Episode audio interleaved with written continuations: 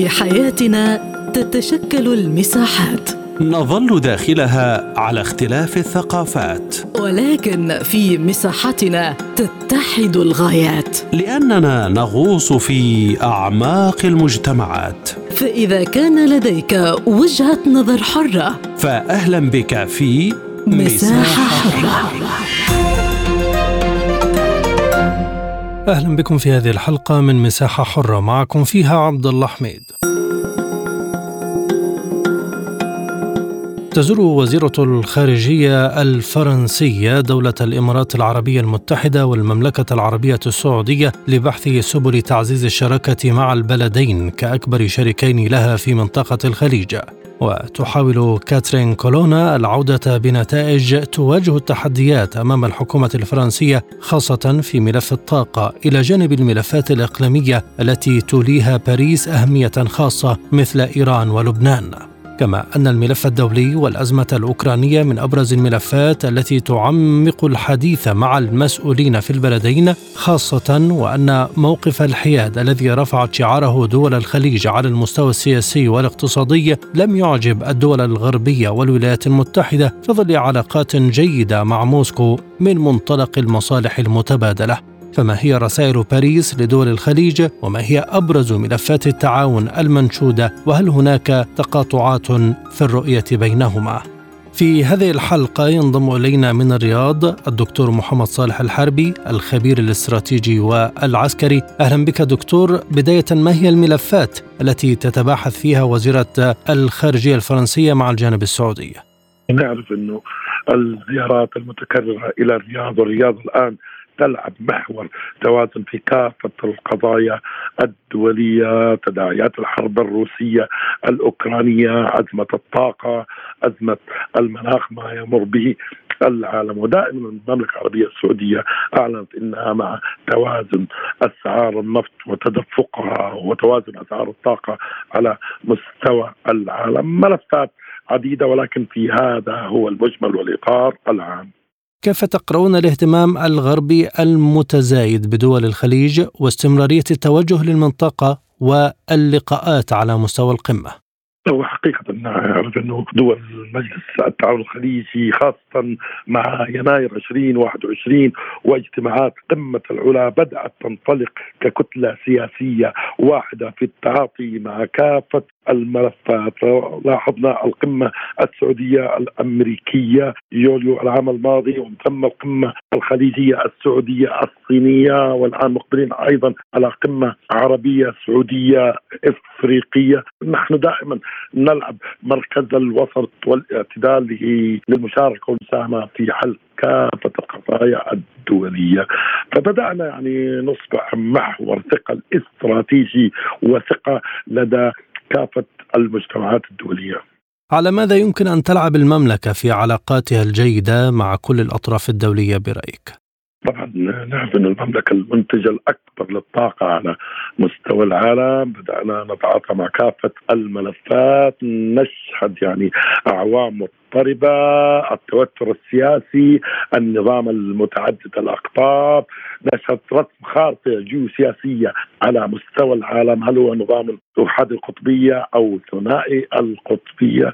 في الحقيقة إحنا نتعاطى مع كافة الملفات السياسية الأمنية العسكرية الاقتصادية وفق مصالحنا المشتركة. لكن المملكة توجهت في الآونة الأخيرة إلى الحياد في علاقاتها مع الملفات الدولية، إلى أي حد أثر ذلك على تحالفاتها؟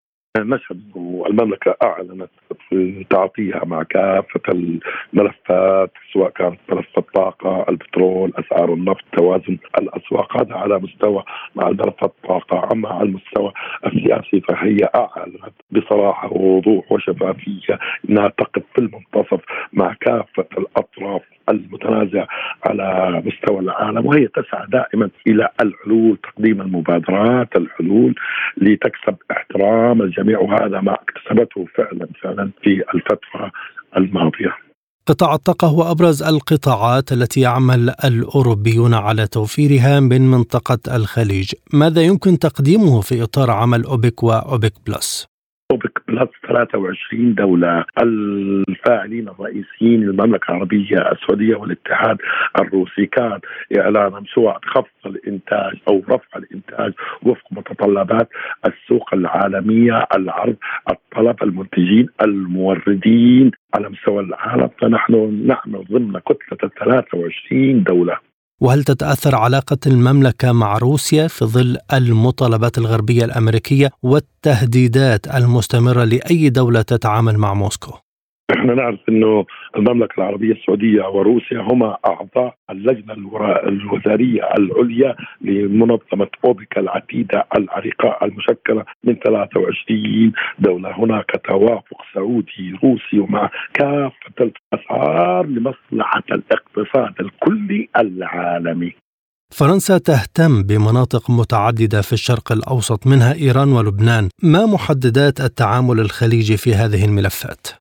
حقيقة هناك توافق سعودي فرنسي كبير في ملفي إيران خمسة زائد واحد واجتماع العمل الشامل المشتركة وكذلك الملف اللبناني تداول الرئيس إيمانويل ماكرون وولي العهد. مسبقا حيال هذا الملف وأظهروا بيان واضح وصريح. شكرا جزيلا لك دكتور محمد صالح الحربي الخبير الاستراتيجي والعسكري. كنت معنا من الرياض. تنضم إلينا من دبي الدكتورة رشا الجندي كبير الباحثين في مركز بحوث للدراسات أهلا بك سيدتي يعني مع زيارة وزيرة الخارجية الفرنسية إلى أبو ظبي ما أسس التعاون بين الإمارات وفرنسا؟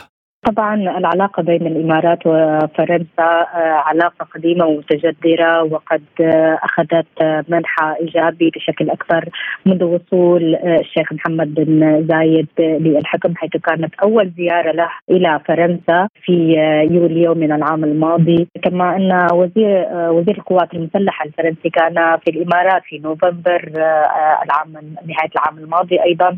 كان هناك حديث عن تنسيق وتعاون التعاون في الشؤون العسكرية والدفاعية، أيضا آه، وقع الشيخ محمد بن زايد في زيارته آه، اتفاقية شراكة استراتيجية. وزيارة وزيرة خارجية فرنسا لأول مرة للمنطقة السعودية والإمارات آه، كأول زيارة لها للخليج. هي دعم للتوجه الفرنسي في تعزيز التعاون مع دولة الإمارات.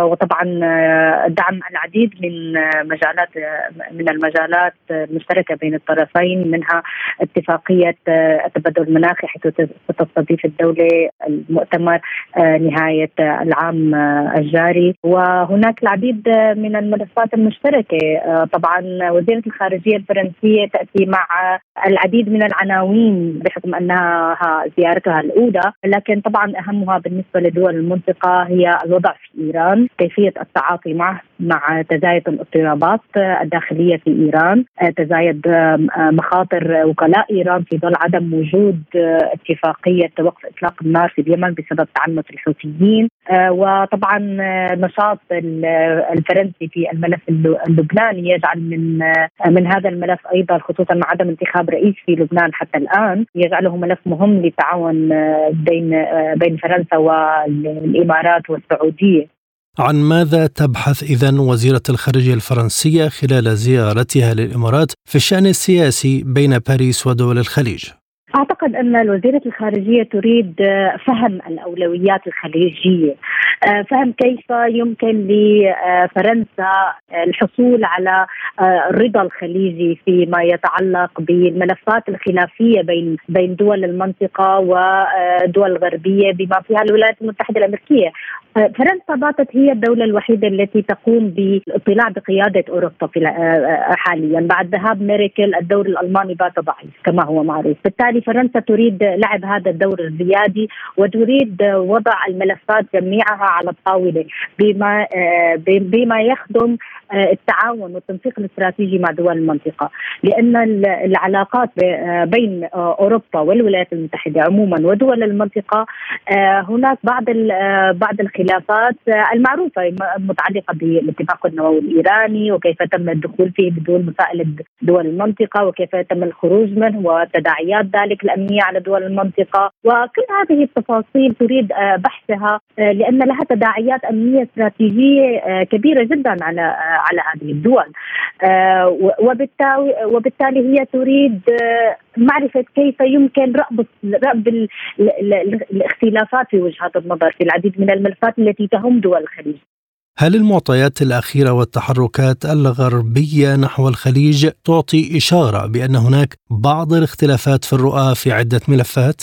طبعا المشكلة بالنسبة لدول الخليج انه أن الأمريكيين آه، والاوروبيين قاموا بالتدخل في آه، في بعض آه، في مناطق مثل مثل العراق وتركوا التحديات الأمريكية لدول الخليج. ثم تم تم الخروج من العراق وازدهرت داعش في عهد أوباما. وبالنسبة لسوريا أيضا نفس نفس المشكلة. سوريا تترك للتعفن عمليا. لا يمكن التوصل لحل سياسي فيها ولا يمكن تركها بهذا الشكل لانها تؤثر على على الدول المحيطة بما فيها لبنان التي تمتلك مشكلة حزب الله ومشكلة إيران وانتشار النفوذ الإيراني بشكل كبير بعد انهيار سوريا. آه هذه أيضا مشكلة مشكلة مشكلة اليمن أيضا. آه التذبذب الأمريكي والأوروبي في كيفية التعامل مع مع اليمن بين ضغط وعدم ضغط وترك ومنح الحوثيين حسن النية تارة والضغط عليهم تارة. كلها سياسات لا تبدو واضحة بالنسبة لدول الخليج وكلها سياسات تبدو فيها المساعي غير مثمرة لنقل. هي هذه هي المشكلة. طبعا بالنسبة للأوروبيين ليست هذه الملفات الاستراتيجية. ملفهم الاستراتيجي هي أوكرانيا ودول الخليج تتمسك بموقف وسطي موقف تفاوضي موقف الوساطة بين بين روسيا وأوكرانيا دكتورة هناك علاقات جيدة بين الإمارات وروسيا هل تتأثر في ظل التعاون الخليجي مع الدول الداعمة لأوكرانيا؟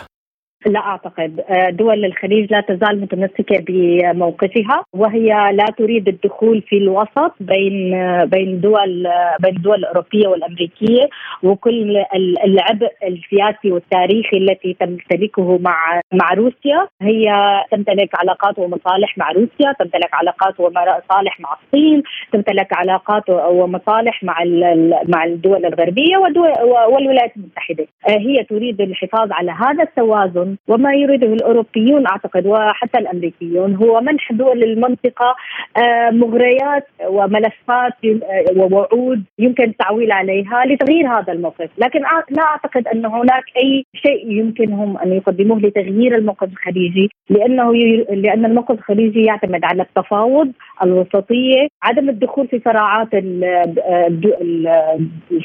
الساحة الدولية آه، بين الدول الكبرى لأنها دول تريد التركيز على التنمية، تريد التركيز على صراعاتها أصلا التي تم تفجيرها بسبب آه، أدوار آه، غربية بالأساس واعتراضات من دول الخليج. وبالتالي الأمريكيين يعرفون ذلك، الأوروبيين يعرفون ذلك وهم يريدون التعاون للحصول للنتيجه، لكن يبدو أن ليس لديهم الادوات للتوصل لأي نتيجة بالمحصلة يعني.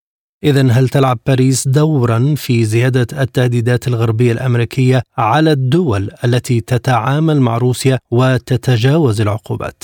بالنتيجة الدول لديها مصالح مشتركة ولا أعتقد أن الدول لا يوجد قرارات دولية من مجلس الأمن بعقوبات بعقوبات يمكن أن تفرض على تعاملات تجارية معينة يتم القيام بها في هذه الدول. العقوبات موجودة على النفط موجودة على الغاز وهي عقوبات أوروبية عمليا وأمريكية لكنها ليست ليست عقوبات دولية على روسيا. ولا أعتقد أن هذه الدول تقوم بأي خرق لعقوبات هي بالأصل غير موجودة.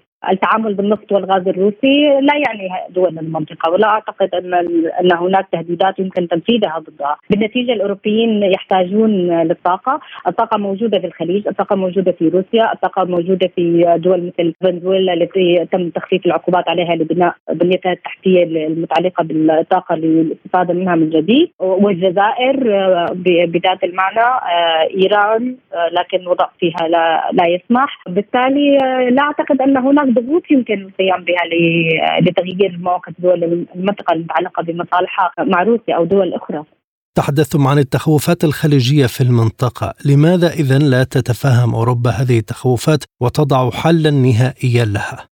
أعتقد إنها لا تمتلك الأدوات التي يمكن لها استخدامها للوصول لحلول، ماذا يمكن لهم أن أن يفعلوا للضغط على الحوثيين؟ يجب استخدام مستوى من العمليات العسكرية التي كانت موجودة في ذروتها وتم الضغط لوقف هذه العمليات العسكرية، بالتالي لا يوجد حل إلا الحل السياسي، الأوروبيون والأمريكيون كانوا مؤمنون أنهم يستطيعون التوصل لحل سياسي بين الحوثيين والحكومة الشرعية لإنهاء الحرب بدون عنف، ولكن هذا لم يحصل. الحوثيين أصلا لا يقبلون التوقيع على اطلاق النار والأوروبيون لا يستطيعون إقناعهم بذلك لأن أساسا قرارهم في إيران. الوضع في سوريا. ماذا يمتلك الأوروبيون أو الأمريكيون من أدوات في سوريا لتغيير الوضع القائم؟ هم لا يمتلكون سوى الحفاظ على على قانون قيصر. قانون قيصر يتسبب بمعاملة للسوريين. لبنان نفس نفس المشكلة. فرنسا حتى لا تستطيع بكل ثقلها السياسي في لبنان. هي لم تستطع إقناع الفرقاء بالتوصل لانتخاب رئيس جمهورية. شكرا جزيلا لك دكتور رشا الجندي كبير الباحثين في مركز بحوث للدراسات. كنت معنا من دبي. من القاهرة ينضم إلينا دكتور محمد اليمني المتخصص في العلاقات الدولية. أهلا بك دكتور. لماذا تهتم فرنسا إذا بالتعاون مع دول خليجية في هذا التوقيت؟ يعني خلينا متفقين بعد الحرب الروسية الأوكرانية تأثرت كثيرا فرنسا بالجانب الأمن التقوي من الدرجة الأولى. وكما نعلم بأن الآن هي يعني شبه متورطة في هذه الأزمة بمعنى أصح أستاذي تستورد من الولايات المتحدة الأمريكية آه، آه، الغاز والنفط بأربعة أضعاف ما كانت تستورده من الجانب الروسي. فهذا أيضا أثر بالسلب على الاقتصاد الفرنسي هذه أيضا جزئية.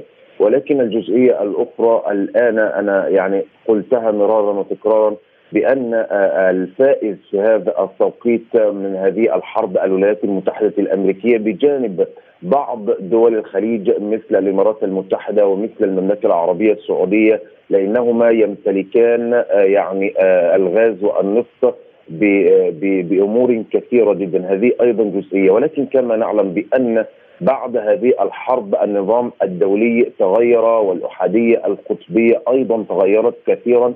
والان الجانب الفرنسي في الداخل الفرنسي يوجد مشاكل كثيرة جدا تخص الإضراب العمالي، تخص المعاشات، تخص الاقتصاد، تخص البطالة، تخص أمور داخلية وحتى خارجية. وكما نعلم أستاذي الكريم بأن فرنسا الدور الأفريقي آه، آه، في آه، القارة الأفريقية تلقى أو تقلص إلى حد كبير عن الماضي. هذه أيضا جزئية. ولكن لماذا هذه الزيارة في هذا التوقيت كما قلت منذ قليل بأن الجانب الفرنسي أو الرئيس الفرنسي يبحث عن حلول بخصوص الأمن التقوي وكما نعلم بأن الإمارات مستعدة لذلك وأن المملكة العربية السعودية أيضا مستعدة لذلك في هذا التوقيت وعلى ماذا تراهن باريس من خلال علاقاتها مع السعودية والإمارات؟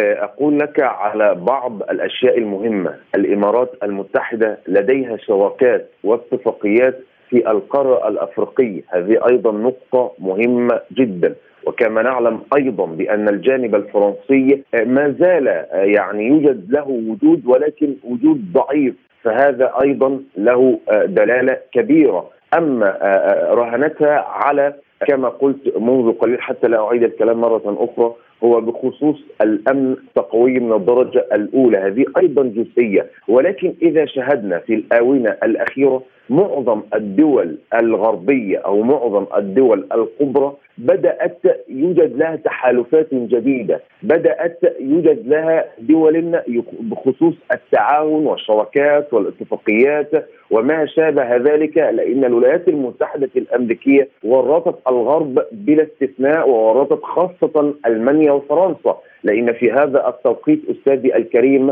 آه، فرنسا كانت تتبع سياسة آه، آه، حلول الوسط ولابد من حل هذه الأزمة الكبيرة بين الجانبين الجانب الروسي والجانب الجانب الأوكراني. ولكن الآن هي ترسل معدات وترسل أدوات إلى الجانب الروسي. هذا أيضا أثر بخصوص الاقتصاد الداخلي الفرنسي. ولكن كما نعلم كل حتى الولايات المتحدة أنا أربط الكلام حتى يعي المشاهد أنني لا أتكلم عن موضوع آخر، الولايات المتحدة الأمريكية منذ اندلاع هذه الحرب اتجهت إلى فنزويلا ومن ثم إلى دول الخليج، ففرنسا أراها من وجهة نظري الآن تتجه إلى الخليج لأسباب كثيرة وخاصة الإمارات المتحدة لأن الإمارات لديها أيضا شراكات لأن حتى الخليج الآن لا يرتهن فقط إلى العلاقات الخارجيه الأمريكية والأمن الأمريكي في المنطقة. ولكن دول كثيرة وأنا أرى أيضا بأن الآونة الأخيرة كان الجانب الفرنسي كان يتبنى بنسبة كبيرة جدا. الاتفاق النووي وكان يريد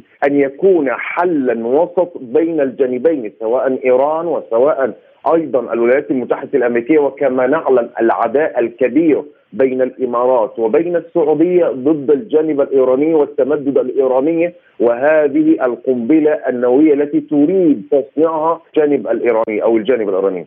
ووفق هذه المعطيات هل هناك رسائل تريد فرنسا إيصالها لأكبر دولتين في الخليج في ظل تقاطع الأهداف مع الولايات المتحدة؟ لا يعني أنا أرى برغم أستاذي أقول لك في أقل من 20 أو 10 ثواني بأن حتى الذي يعني بعض المراقبين وبعض المحللين يقولون أن العلاقات متوترة بطريقة كبيرة أو بدرجة كبيرة جدا بين الخليج وبين الولايات المتحدة الأمريكية. هذا ليس صحيح، ما زال العلاقات وطيده وما زالت العلاقات قوية لأن الإمارات أو حتى دول الخليج لا تقدر أن تستغني يعني بطريقة كاملة عن الولايات المتحدة الأمريكية، هذه أيضا جزئية، وحتى فرنسا لا تقدر أن تخرج عن السياق وتخرج عن صواعيه الولايات المتحدة الأمريكية، الرسائل كثيرة جدا، الرسائل في هذا التوقيت. وأقول لك على نموذج مهم جدا وأرجع وأجاوب حضرتك، في قمة العشرين والرسائل التي كانت بين الرئيس الصيني وبين الرئيس الامريكي آنذاك وهذه الزيارة المرتقبه في آه، طوكيو بخصوص وزير الخارجيه أنتوني بلينكن ويعني شهدنا آه، استقرار أو شهدنا بعض الرسائل المهمة وبعض الأهداف وبعض التطورات في العلاقات الصينية الأمريكية في الآونة الماضية، هذه نقطة مهمة جدا. أربطها أيضا بالجانب الفرنسي، الجانب الفرنسي يريد أن يجدد الشراكات، أن يجدد التحالفات، أن يجدد ويكون له يعني آه، آه، علاقة وطيدة وعلاقة جيدة تساعده على الأزمة التي يمر بها داخليا. برغم أن الاقتصاد الفرنسي من الاقتصاديات الكبيرة من الاقتصادات الكبرى يعني أنا حتى أكون دقيقا يأخذ آه، المرتبة العاشرة أو المرتبة الحادي عشر في الاقتصاد العالمي. هذه أيضا جزئية ولكن لا نخفي سرا. بعد هذه الحرب الأمور تغيرت تماما في هذا التوقيت. فالرسائل الرسالة الأولى هو الاتفاق أراه من وجهة نظري هو الاتفاق النووي مثلا والرسالة الثانية هي الشراكات الاقتصادية، الرسالة الثالثة هو التعاون أو مزيد من الأمن التقوي المتمثل في كلا القوتين الغاز والنفط من الإمارات أو حتى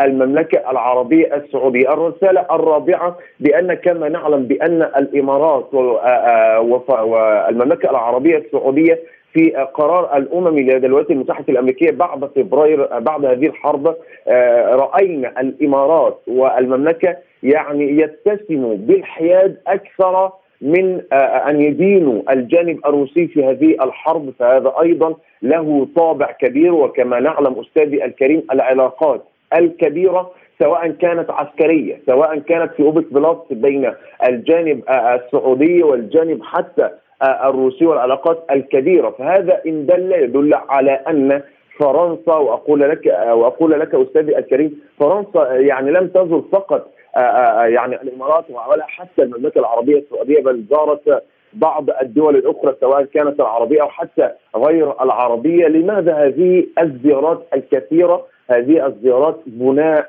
على كل ما هو جديد سواء في منطقة الشرق الأوسط أو حتى في منطقة آه، آه، القارة الأسيوية أو حتى القارة الأفريقية وكما نعلم بأن في وقت من الأوقات الجانب الفرنسي كان يتبنى بطريقة كبيرة جدا سياسة التهدئة وحاولت أو حاول إيمانويل ماكرون أن يوجد حلول بخصوص وقف إطلاق النار والجلوس على الطاولة في هذه الحرب لأن هذه الحرب تأثيراتها ما زالت يعني يعني إحنا نحن آه، في الوطن العربي أو معظم الدول آه، آه، العالم لم تنتهي من أزمة كوفيد 19 وحلت مباشرة في العام الذي يليه أيضا أزمة الحرب الروسية الأوكرانية. وبناء عليه ما حدود التعاون العربي الخليجي مع فرنسا في ظل شراكة هذه الدول مع روسيا؟ فرنسا ليس عدو كبير لدى الجانب الروسي وهذه أيضا نقطة مهمة جدا. برغم برغم الأدوات وبرغم ما تم من قبل فرنسا في الآونة الأخيرة وأغضب الجانب الروسي آه، آه، كثيرا وكما نعلم أيضا الجانب الألماني. أنا أرى من وجهة نظري بأن الجانب الروسي هو يعني يوجد عداء كبير بين أمريكا وبين بريطانيا وهذا مفروغ منه. ولكن ماذا يعني يتبنى أو بخصوص الأهداف أو الشراكات بين كلتا الدولتين أو حتى المملكة وأيضا الإمارات وأيضا فرنسا؟ فرنسا. تنظر إلى العالم آه، أو خاصة منطقة الخليج بأنها غنية بالنفط، غنية بالغاز، غنية بالاقتصاد، يوجد استقرار اقتصادي في هذا التوقيت برغم التضخم وبرغم الركود العالمي في هذا التوقيت ولكن يتسم الاستقرار في هذه المنطقة، فلا بد أن نتجه ولا بد أن السياسة الخارجية الفرنسية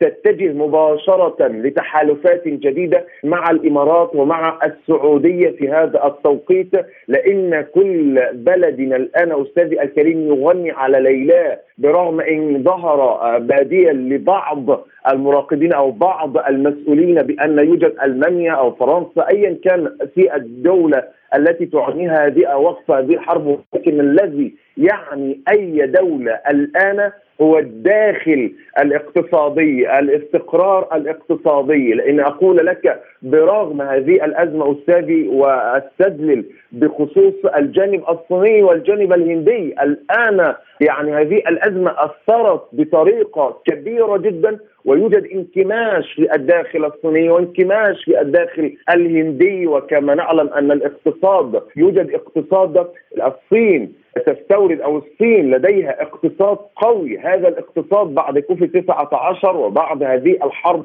قل كثيرا بعد آه، هذين الأزمتين، هذه أيضا نقطة ولكن فرنسا نرجع إلى فرنسا والجانب الإماراتي في وقت من الأوقات سمعنا كثيرا بأن الولايات المتحدة الأمريكية تريد عقد تحالف جديد آه، شرق أوسطي آه، بين الدول العربية وشهدنا هذه القمة التي تمت في الرياض ولكن لم تفلح. وأيضا المملكة العربية السعودية لم تسمع للولايات المتحدة الأمريكية ولم تنخضع للقرارات الأمريكية ولا أي شيء بخصوص الولايات المتحدة الأمريكية لأن رأت في الولايات المتحدة الأمريكية ليس يوجد أمن لدى الولايات المتحدة الأمريكية، ليس يوجد عهد بخصوص جون بايدن أو غير جون بايدن لأن الجانب أو الرئيس الأسبق دونالد ترامب كان يستفيد بمليارات الدولارات من دول الخليج وخاصة منطقة الخليج ولكن على الوجه الآخر كان يصد لهم الأمن في المنطقة بخصوص إيران والتمدد الإيراني والمشاكل الكثيرة